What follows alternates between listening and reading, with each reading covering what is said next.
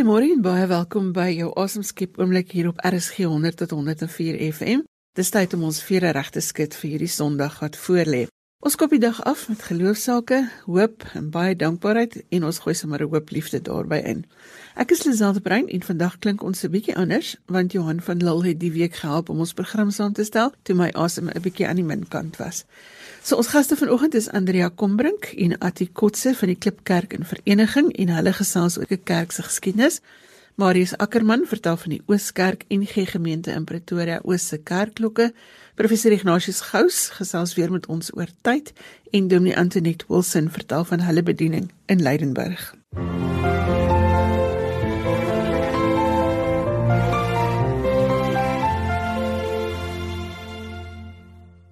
Professor Ignatius Gous gesels elke nou en dan met ons oor dinge as dit by die brein kom. Ons praat oor tyd en hoe dit in ons brein en in die Bybel hanteer word. Môre Ignatius. Goeiemôre Johan. Verlede week het ons gepraat oor die hede.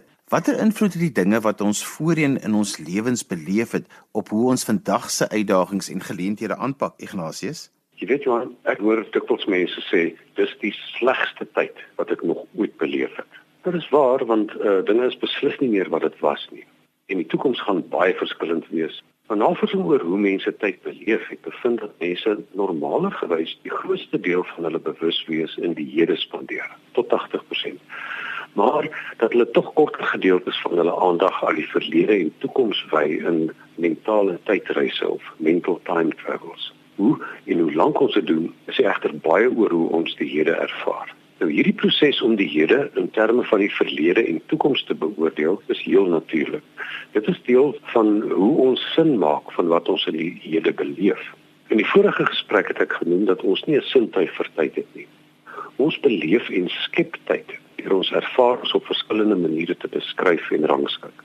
So, uh, dink 'n bietjie na oor hoe jy oor tyd praat. Ons almal praat oor tyd in konseptuele metafore. Met ander woorde, in terme van iets anders. Baie van is universeel in die mensdom, uh, maar daar's ook kulturele verskille sigbaar. Baie algemeen is dat ons oor tyd in terme van plek of rigting praat. Die toekoms is voor ons, die verlede lê agter ons. Daar is ook mense wat die toekoms as boontoe en die verlede as ondertoe beskryf. 'n Ander konseptuele metafoor is om tyd in terme van grootte te beskryf. Dit is kort of dit is lank tyd is min of is baie. Nog 'n metafoor gaan oor beweging. Tyd is vinnig of stadig, tyd vlieg of tyd stap stadig aan. Mens kan jouself ook binne of buite tyd plaas.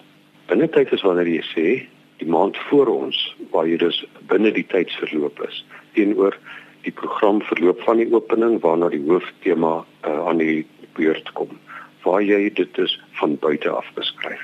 Ignatius, hoekom is dit belangrik om juist dit te weet? Want dit wys vir ons dat ons bewustelik ons tydsbelewennisse op verskillende maniere skep. Hoe jy voel oor wat vandag gebeur en veral hoe jy daarop reageer, kom tot 'n groot mate van binne jouself af. Wat ook nog bykom en wat ons in gedagte moet hou, is dat wat jy kies om te doen, baie met jou karaktereienskappe te doen en is veral gekoppel aan wat jy kies om te onthou Mense wat gereeld top oor dinge, hulle noem dit brooding rumination, spandeer meer tyd om oor die verlede te dink. Mense wat aan die ander kant optimisties is, leef meer in die toekoms.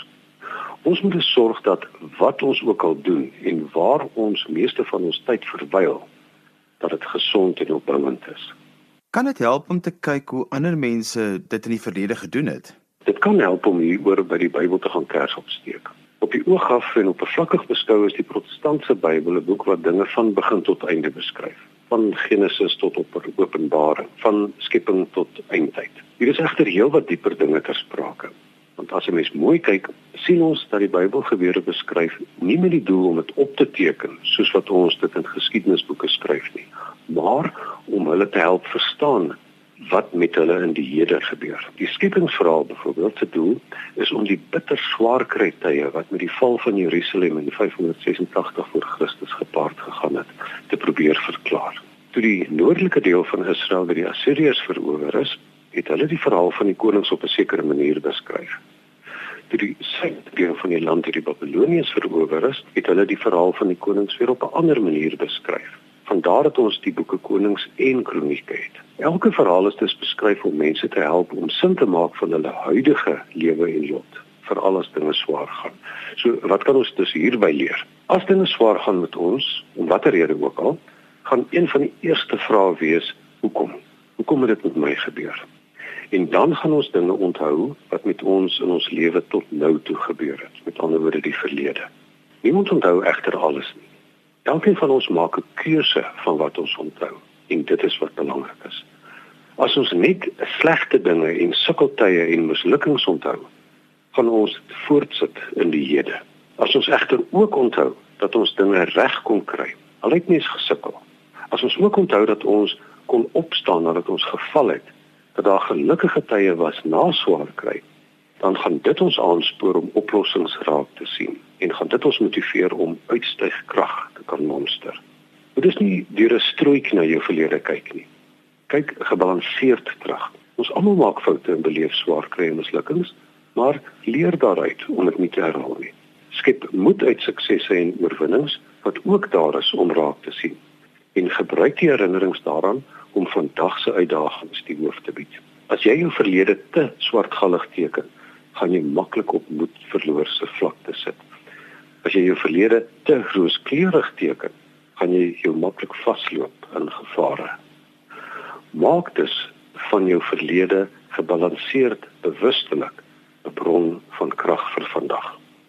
Johan was in gesprek met professor Ignatius Gous van die NISA en hulle het gesels oor tyd. Ek dink ons almal hierdie afgelope tyd geleer hoe belangrik en kosbaar tyd is saam met almal vir wie jy lief is en ook tyd vir jouself. Tyd is kosbaar, so wees bedag op hoe jy dit gebruik. Jy's ingeskakel op RSG 100 tot 104 FM. Ons vertel stories wat inspireer en wat vertel waar geloof verskil maak. Volgende kuier ons in vereniging. Die Klipkerk en Vereniging vier hierdie jaar sy 95ste bestaanjaar en ek gesels vanoggend met Andrea Kombrink, sy is die administratiewe beampte van NG Welsyn Vereniging en saam met haar is Attie Kotse en hy is die hoofouderling van NG Klipkerk Vereniging en hoor nou hier, hy is al vir meer as 50 jaar ouderling. Sekerlik moet dit 'n rekord van 'n aard wees. Goeiemôre Attie. Goeiemôre Jan. En goeiemôre ook aan jou Andrea. Goeiemôre. Atie gee vir ons kortliks so 'n oorsig van die Klipkerk en Vereniging se geskiedenis. Ja, die gemeente bestaan bietjie langer as dit. Uh, uit in 1916 afgestig van Potchefstroom en Heidelberg gemeentes. Die hoeksteen is gelê in 1926 en uh dit is gebou met sandstene hier wat in Kokerus uitgegrawe is en dan die Klipkerk is ook die enigste nasionale monumente vereniging wat gebou is deur die jare het daar 35 gemeentes van hom afgestig, ander gemeentes. En uh party van hulle het al weer teruggekom soos Vereniging Suid, is nou al weer by ons. En dan het die Klipkerk ook 'n uh, orgel wat baie interessant is. Hy kan nog getrap word met windwerk en uh, hy werk ook elektries. En hierdie orgel is van Duitsland af ingevoer. So ook is die klok wat hier is van uh Engeland af ingevoer en al twee hierdie goed het met Ossewaans hier aangekom van Kaapstad af waar hulle in die hawe geland het. Ons het al verskeie predikante hier gehad. Die eerste leraar was Dominee Herman Stein en die gemeente afgestig wat nou ook Herman Stein genoem was en uh, sy kleinseun is ook nog baie bedrywig hier in die handel hier in vereniging. Ja, die kerk se dak gee baie probleme, dit lek en dit gaan te kere en ons is so bang dat dit lek op die orgel. maar verder is die gebou nog baie stewig en uh hy's nog in gebruik. Ons sou nog elke Sondag eredienste hier so trou is en ook begrafnisse en al daardie tipe goede. Andrea, jy's betrokke by julle welsyn fokus. Verduidelik vir ons wat dit behels in die gemeenskap waar jy is. Weet jy Johan, uh, die NG Welsyn maak deel uit van die Goudland Synode en tans het ons 12 takke, 6 in Suid-Gauteng en 6 in Noordwes.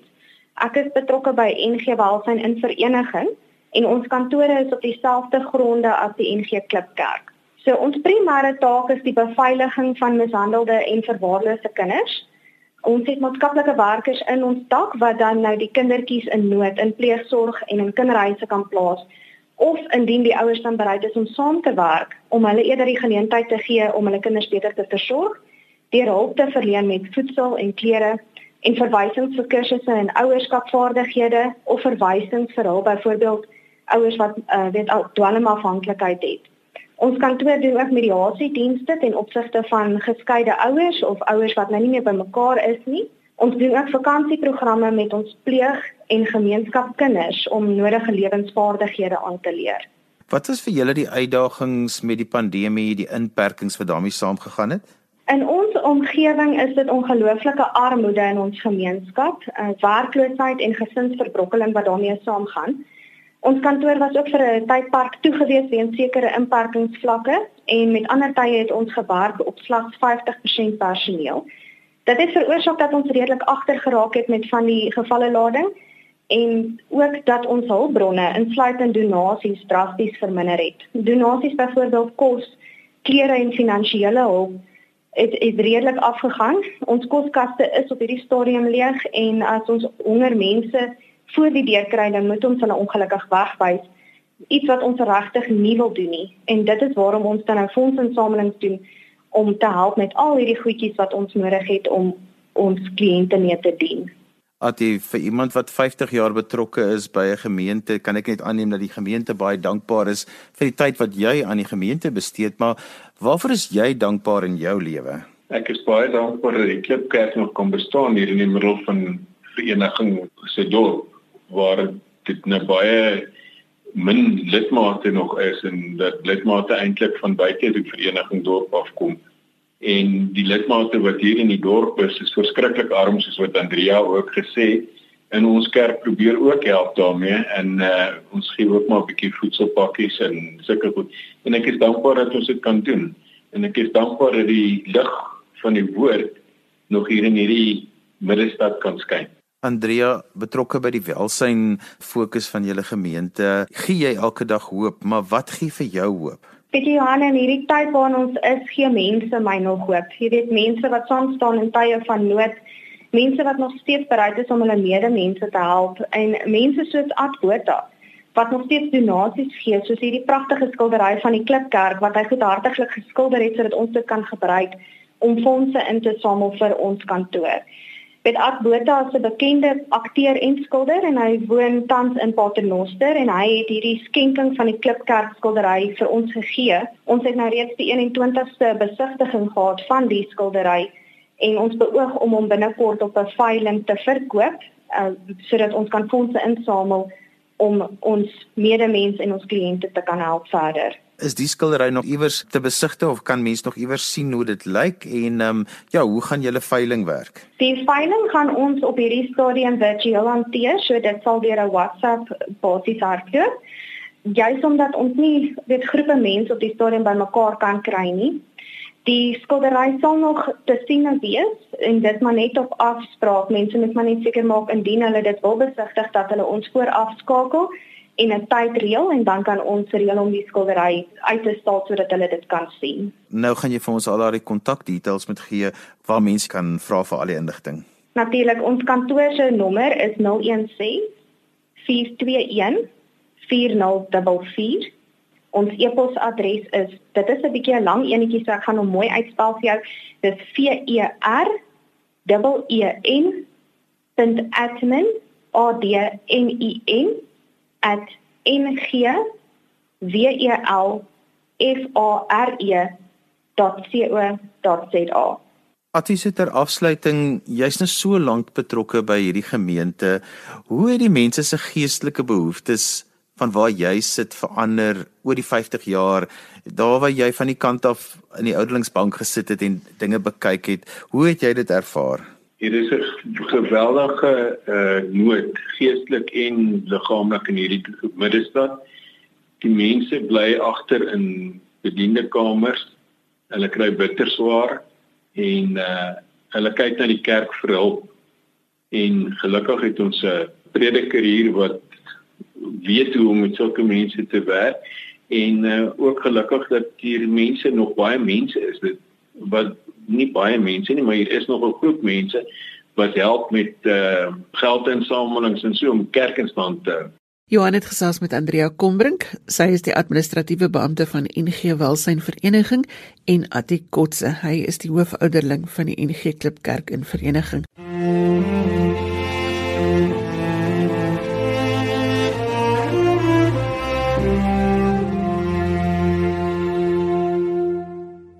Antoinette Wilson is predikant op Leidenburg en hulle het in Grendeltyd interessante maniere uitgedink om met jong mense in kontak te bly en ons gesels vanoggend hier oor goeiemôre Antoinette. Goeiemôre. Jy is deel van 'n groep wat the Great Collab Kids genoem word. Hoe werk dit? Jong, ek kan sommer 'n klein bietjie agtergrond vertel. Aanvanklik ons nou net begin toe dit nou net Grendeltyd is, toe toe besef ons almal joh, kontak is nou onmoontlik. En ehm um, aanvanklik het ek sommer maar net gou stories opgeneem en ek luister stories uitgesaai vir die kinders uitgestuur, maar baie gou ontdek die kinders is baie slimmer as ons wat tegnologie aanbetref. En eintlik het hulle al bly ons in die platte land, ons bly nou in Leidenburg op die platte land, al bly ons daar, die kinders gewoond aan baie meer as net net stories. En En toe het ek nou maar so rond gepraat en gehoor wat gebeur in die res van die land en ou kollegas in die stad. En weet jy, dis mense nou sommer jaloers want hulle het ateljee's en hulle het regisseurs en editors wat die video's edit. En in my hart het ek so gehoop dat iemand 'n droom sal kry, 'n visie sal kry om dit net so 'n bietjie groter te maak, om bietjie dit dit oop te oop te stel dat dat ons arme arme domies wat op die platteland is dat hulle ons ook net bietjie wil betrek en dit vir ons wil moontlik maak want in die stad is daar natuurlik net jong mense en mense wat weet van tegnologie. En dis Dirkie van der Spy, ehm um, dis hy eendag is hy toe nou daar by ons in die Dirkie ehm um, met met 'n rings ehm um, Zoom vergadering. En ek vra toe nou vir hom nou maar waarmee is hulle besig? En hy vertel toe nou van die Great Collaboration waar wat hulle jong mense in Moretta Park en uh, eh, NG Pretoria Oosterlig en KSM en Mosaïek. Ek weet nie wat die ander gemeentes is almal deel daarvan nie, maar wat ehm um, so 'n uh, samewerking tussen die gemeentes begin het om dan spesifiek na die jeug toe uit te reik. Ehm um, dis baie baie baie tekkie en baie nice en jong mense en ehm um, hulle sou dan nou uit een keer elke week en hulle het nou baie ver gevorder. So die kinders kan inskakel op Zoom. So dis dis baie baie interessant maar ek is baie betrokke by die kinders in ons gemeente maar eintlik nou van altyd af. So daar was nie regtig iets vir die kinders gewees nie. En toe aan die einde van die jaar toe kuier ek by vriendin ook in die stad en ehm um, ou Erik Postimus hulle het saam gekuier. En toe vertel hy toe nou vir my dat hulle toe nou die Great Collab uitgebrei na Great Collab Kids toe sodat hulle nou die kinders ook betrek, nou ook plekke, weet kleurvolle, dramatiese manier die kinders betrek en um, dinge vir hulle aanbied. Maar toe sê hy maar hulle kort skrywers, hulle kort mense wat wat die skryfwerk sal doen. En ek hou van skryf, het bestadium kategese materiaal ook ontwikkel. Sê ek ja maar steek ek my hand op sê ek sal dit beslis doen. So toe begin ons toe nou, ehm um, toe skakel ek nou in by die Great Collab Kids en ja, so dis dis 'n groot vreugde om saam met hulle te werk. So ek weet nie wat wil jy nog weet. Julle het toe 'n aanlyn ehm um, diens gemaak in die vorm van 'n realiteitsprogram. Julle het dit so verpak. Vertel ons daarvan. Wel die eerste een waarby ek toe nou betrokke was, was uit ons rondom Paasfees uitgesaai. Ja, ons het uh, so realiteits dit 'n bietjie baie gebaseer op uh, so 'n skattejag om skatte wat nou weggesteek is. Ons het by 'n paar deplaas dis net daar aan die kant Leidenburg. Ons het ons het daar gaan uit ons het daar gaan bly en dan 'n paar skatte het het die het hulle nou gekry. Het soos ehm um, skat skat ek weet of jy jy kan onthou toe ons kinders was, daai skat skat het die Absoluut. Dis die tyd wat jy die, die skat moet gaan kry het. So hulle het die die skatte is dan weggesteek en so met elke skat wat ontdek is, is daar nou 'n stukkie van wat wat ehm um, die emosies wat rondom Paasfees gebeur wat Jesus beleef het. Die bang, dit een een gedoen oor oor bang. En dit is natuurlik een van die dink ek groot emosies wat wat ons almal beleef nou in nou hier na COVID-19. Ons is bang vir onsigbare dinge en ons weet nie ons weet nie wanneer ons beheer het en wanneer ons nie beheer het nie. Maar om vir, om te kon sê maar Jesus was ook bang. En wat het hy gedoen toe hy bang was? Hy het gebid toe hy bang was. So ons het 'n paar van hierdie emosies rondom die kruis. Het ons gaan besoek, maar elke keer as ons nou 'n skat ontdek het, een was verwonderd, verwonderd oor die oor die oop oop graf en ja, so dit was dit was vir ons 'n dit was baie baie baie pret en 'n um, goeie terugvoer ook gekry. So dit is sommer net lekker geweest om die, om die kinders dan ook te betrek. Ons het ook kinders ingetrek wat dan nou ehm um, wat wat ook deel was van die opname. Ek gaan kinderkarakters is mos altyd vreeslik vreeslik oulik. Ek wil so 'n bietjie stil staan by jou persoonlike uh, bediening. Jy gebruik drama wanneer dit kom by berading van jong mense. Is die uitdagings van jong mense oral dieselfde dink jy? En watter rol speel geloof in die proses van traumaberading? Sjoe, lekker baie vrae. Ehm um, die eerste vraag oor weet ek dink ek of die ehm um, of kinders of jong mense oral dieselfde trauma beleef ek dink beslis so. Dink maak nie saak waar jy woon nie. Ehm um, ons is mense. Ons is mense en ons worstel maar met met die lewe. En ek dink in 'n tyd wat ons op die oomblik in leef, uh, is die groot uitdaging is om al die emosies wat hier rondom ons is om die Heer daaroor te kry. Ehm um, en ja vir die emosies wat wat ek kan dink is mens daai onsekerheid. Die onsekerheid waarmee mens leef. Ek weet ek sit vandag en dink ek weet moet ek my masker dra, moet ek nie my masker dra. Die groot vraag op die oomblik moet mens ingeënt word of moet jy nie ingeënt word nie. Wat is die voordele? Wat is die nadele? So mens leef heeltyd met onsekerheid. En net sodra jy weet dis hoe hierdie virus nou werk, dan dan werk dit nou anders. So daai daai groot onsekerheid oor wat gebeur môre. Ehm um, ek wou byvoorbeeld Sondag toe ek gepreek het, toe wil ek toe wou ek sommer nie as die afkondigings noem nie, want ons weet nie. Ons weet nie regtig wat gaan gebeur nie. Ons weet nie hoe lyk môre nie. So onsekerheid is is definitief 'n groot emosie waarmee baie baie worstel en en dan nou bangheid wat ek oor gepraat en ek dink mense is vies, hulle is kwaad, hulle is kwaad vir vir die virus, hulle is kwaad vir die regering. Hulle is kwaad vir uh, en ek dink dit is daai kollektiewe emosies wat op 'n manier geïnternaliseer word. Die ouers beleef dit, ouers beleef dit en projekteer dit op die kinders. Kinders internaliseer dit en dan leef hulle met hierdie deurmekaar hart. Um, en hulle weet nie hoekom hoekom is hulle nou skielik kwaad nie. So ek dink ek ek sien baie kinders wat met woede op die oomblik sukkel. Hulle het hulle hierdie hier want ek dink dis die ongemaklikheid, hierdie ongemaklikheid wat jy beleef met jou eie lyf in hierdie oomblik. Maar ek dink dit is maar net dis dis die omgewing waarin ons op ons op die oomblik in leef. So nou met die drama pastoraat wat ek dan nou daar spesifiek doen ek gebruik narratiewe beginsels so, um, om dit te verstaan die narratiewe pastoraat um, sê ons van die begin af. Jy is nie die probleem nie, die probleem is die probleem. So ons probeer afstand skep tussen jou as mens en die probleem. So ons praat altyd as ons oor probleme praat, praat ons in 'n geëksternaliseerde taal van die probleem. So dit beteken die probleem raak 'n selfstandige naamwoord. Hy ons praat van 'n dit en 'n dat en weet so ek sal praat van bang en wat doen bang en hoe lyk bang? En in watter stem praat bang? En waar praat bang en wanneer is bang die sterkste en wanneer is hy swak? Weet so ons dis hoe ons oor bang praat. Maar met kinders dan is spesifiek is dit baie keer moeilik om woorde te kry vir vir die emosies. En dis waar drama dan nou so geweldig baie help, want ons speel dit uit. Ons skep 'n speelse, gemaklike omgewing waar ons oor hierdie moeilike ehm um, moeilike dinge wat ons nie altyd verstaan nie, waar ons afstand skep tussen ons as mens en die probleem en dan beheer kry daaroor. So ek weet nie wat die ander vra nie. Jy moet nou mos nog gou weer sê wat is die volgende vraag? ek wil gou vir 'n oomblik stil staan by dankbaarheid. Waarvoor is jy dankbaar in die lewe? O, oh, ek is dankbaar oor die lewe. Ek is dankbaar dat ek gesond kan wees. Ek is Sjoe, ek is dankbaar dat ek kan sien. Ek is dankbaar dat ek kan hoor. Ek is so dankbaar vir my mense en vir liefde. Weet ek dink nou sommer net aan um, om liefde kan hê en om liefde te kan ontvang um, om in die oggende wakker te word in my man se arms en te weet maar joh, hy is gespaar vir my, ek is gespaar vir hom en ons het nog 'n dag, ons het nog 'n dag wat ons saam kan leef. Ag ek is dankbaar oor my roeping. Ek is dankbaar dat die Here my wil gebruik, dat hy my kan gebruik en dat hy my gebruik. Um, ek is baie dankbaar vir my kinders. Ek het drie baie oulike kinders. Um, ek kan onthou toe ek toe nou nog nie kinders gehad het nie, was in ons gemeente in Oosterlig was daar 'n vrou wat saam met my in die kinderbediening gewerk het. En sy was my so 'n oulike ma. Ek vra toe vir wat is haar geheim? En sy sê toe nou, want dis wel maklik, sy het oulike kinders gekry. Maar ek voel ook so. Ek dink ons het regtig sulke oulike kinders gekry en ons leer by hulle en leer van die lewe.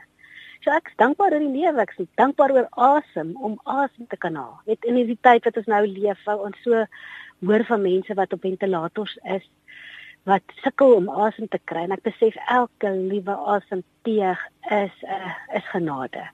Is genade en dan beloof God dan natuurlik dat hy by ons is in elke asemteug. En hy sê hy's asem naby aan my. En so gesels toe nie Antoinette Wilson. Antoinette, dankie dat jy vir ons herinner om kontak te maak en om lief te hê en om by mekaar te wees. Dankie vir die saamgesels vanoggend.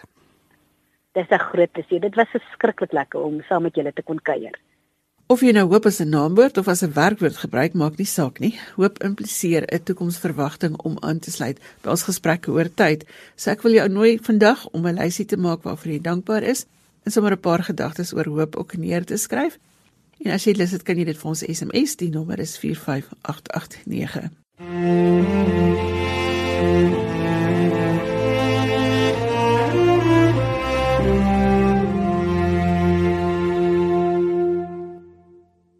Maries Ackermann is van die Ooskerk NG Gemeente in Pretoria Oos en ons gesels ver oggend oor die kerk se geskiedenis en ook die geskiedenis van die kerk se kerkklokke. Môre Marius. Goeiemôre Johan. Marius die gemeente se kerkgebou is deur Gerard Moerdijk ontwerp. Vertel vir ons. Ja, eh, Johan, die kerk, alom bekend as die Ooskerk, is in 1928 ingewy. So in 2018 was hy 90 jaar oud. Nou die gebou staan skuins oorkant Loftes Versveld, maar dit beteken daarom nou nie dat al die lidmate uh, Bloubil ondersteuners is nie. Ek dadelik byvoeg. Uh, dit is een van Gerard Moerdijk se meer bekende kerkontwerpe. Uh, sy mees bekende ontwerp is natuurlik die Voortrekker Monument in Johannesburg Stasiegebou en die destydse premierswoning Libertas. Maar hy het 'n baie wye argitektoniese voetspoor gelaat wat kerke aanbetref. Uh, ek moet dadelik sê dat hy weggebreek het van die tradisionele kruisontwerp en 'n uh, amfitheater benadering gevolg het. Dit beteken meer sitplekke, beter akoestiek en die kerkgangers kon die preekstoel of dan nou die dominee beter sien. Nou sy argitektoniese voetspoor wat kerke betref strek van bo in Harare, Windhoek, Vrystaat, Gauteng tot onder in Kaapstad, die hartjie van Kaapstad, die gereformeerde kerk naby die Mount Nelson Hotel is ook 'n moerdyk skepping. Ander bekende kerke is die kerkie op Clarence in die Vrystaat en ook manne van my ouderdom sal weet van die Witkerk in Voortrekker Hoogte tans daar by Tswane. So ehm uh, die ontwerp van die Ooskerk was 'n nuwigheid in die sin dat hy het 'n koepeldak vir die kerkgedeelte en 'n toring bymekaar gebring. So dit het toe nou tot 'n ligter oomblik gelei hier in die 20er jare in 'n kerkraadsvergadering want die broers het besluit daar is nie geld vir 'n toring nie. Hulle gaan volstaan net met die koepel dak kerkgebou gedeelte. En hierdie inligting het die dierbare susters bereik en hulle het toe 'n boodskap gestuur via 'n lid van die boukommissie generaal Chris Miller wat 'n veteraan was van die Anglo-Boereoorlog dat hulle sal die geld insamel vir die toring op voorwaarde dat daar nie 'n weerhaan nie maar 'n weerhen bo op die toring sal pryk. Maar nou huidig is daar 'n weerhaan op Ooskerk se toring. So dis nie duidelik wie die oorwinnaar uit die stryd was nie, maar duidelik het die susters 'n wesenlike bydrae gelewer. Maar is die kerkklokke het ook 'n baie interessante geskiedenis. Die klok gedeelte of die klok aspek is uh, baie interessant. Dit is 'n uh, veel bewoë geskiedenis eintlik wat die gebou se kerkklok het. Uh dit is in 1887 vervaardig deur die klokkengiesery F Otto van Hemelingen uh, naby Hamburg in Duitsland. En die klok was bestem vir die Franken of Verenigde Kerk op Kerkplein wat in 1885 ingewy is. En kerk uh, was die tweede kerkgebou op Kerkplein nadat die eerste kerkgebou beskadig is deur weerlig.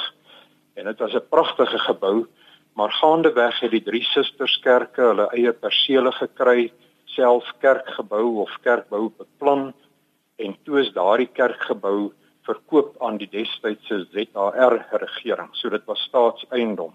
En na die Tweede Vryheidsoorlog in 1904 met die begrafnis van president Kreer in Desember daardie jaar was die gedagte van die komitee wat die begrafnis gereël het onder voorsitterskap van generaal Louis Botha dat die president moet in staatsie lê in die kerk en deel van die seremonie sal dan ook daar plaasvind. Toe die plaaslike owerheid van Pretoria wat natuurlik nou nie republikeins gesind was nie, uh besluit dat die kerkgebou is nie meer geskik vir menslike gebruik nie. Hy is onveilig. En dit was vir baie Pretoriaaners 'n bietjie van 'n skielike besluit, maar nietemin toe voor die begrafnis die kus met die president se trouens was op pad na Pretoria toe hulle al begin het om die kerk te sloop met die gevolg dat deel van die seremonie nie in die kerk nie maar buite net langs die kerk plaasgevind het. Maar die slopery in Desember 1904 was 'n fiasco. Die slopers het eers van een stoomtrekker gebruik gemaak, toe van 'n tweede een en steeds wou die toring nie val nie, maar toe hy val was dit nie net die toring wat val nie, maar ook die 7 ton klok daarmee saam. En hy val toe in die proses die kerkorrel te pletter en die kerkorrel was vir hergebruik elders bestem. Nou mense kan jou net voorstel watter onmusikale klank uit daardie onbeplande uh ontmoeting tussen kerkklok en kerkorrel na vore gekom het. Maar die klok is toe elders aangewend vir 'n ruk en toe met die oprigting van die Ooskerk in 1928 in die vier verdieping hoë kerktoring uh geïnstalleer. Nou as 'n mens vandag die kerkklok wat nog sy stem al om die uur laat hoor van naderby beskou dan sien jy die logo of die embleem van die F Otto en Hemelingen uh, gieter of klokmaker en ook die jaartal 1887 en dan staan daar ook die woorde Gloria in excelsis Deo. Nou um, daar is ook aan die onderkant van die klok duidelike tekens van verweer en waarskynlik ook meegebring deur die groot val van nagenoeg 120 jaar gelede. En dan wil ek net noem uh ook interessant die oraliste wat diens gedoen het in die Ooskerk sluit in mense wat ook groot indruk gemaak het op die musiekwêreld professor Gerrit Bon en uh, Pieter de Villiers en dan die nimmelike en alombekende en beminde oom Chris Lamprecht en huidig is ons oralis op die vermeling. Marius het in slotte vertel vir my waarvoor is jy dankbaar in jou lewe? Johan, op hierdie stadium van my lewe vir drie dinge. Dat ons soos mense met hoop kan lewe. Uh ons glo in 'n teenwoordige God en die liefdesboodskap van Christus en een van ons predikante het juist nou die dag gesê God is net 'n gedagte ver. En dan tweedens vir die toewyding en die harde werk van mense in die gesondheidsomgewing en in die onderwyssektor. En dan derdens vir ons interessante land se storievertellers uh, veral diegene wat hulle kuns op 'n humoristiese wyse beoefen. Johan van Lille was in gesprek met Marius Ackermann van Pretoria en daarmee moet ons groet. Sondagjoernaal se gaste vanoggend was Andrea Kombrink en Atti Kotse van die Klipkerk in Vereniging, Marius Ackermann van die Ooskerk NG Gemeente in Pretoria Oos, professor Ignatius Gous van Unisa en Dominee Antoinette Wilson van Leidenburg. En natuurlik sê ek dankie vir Johan vir sy hulp met vanoggend se program. Sondagjoernaal is as 'n potgoed beskikbaar. Jy kry dit op RSG se webwerf en die adres is rsg.co.za. Of jy kan ook soek by ihono.fm vir Sondagjoernaal. Jy kan vir my e-pos met kommentaar of as jy 'n geloostorie met ons wil deel, my e-posadres is lazel@wwmedia.co.za.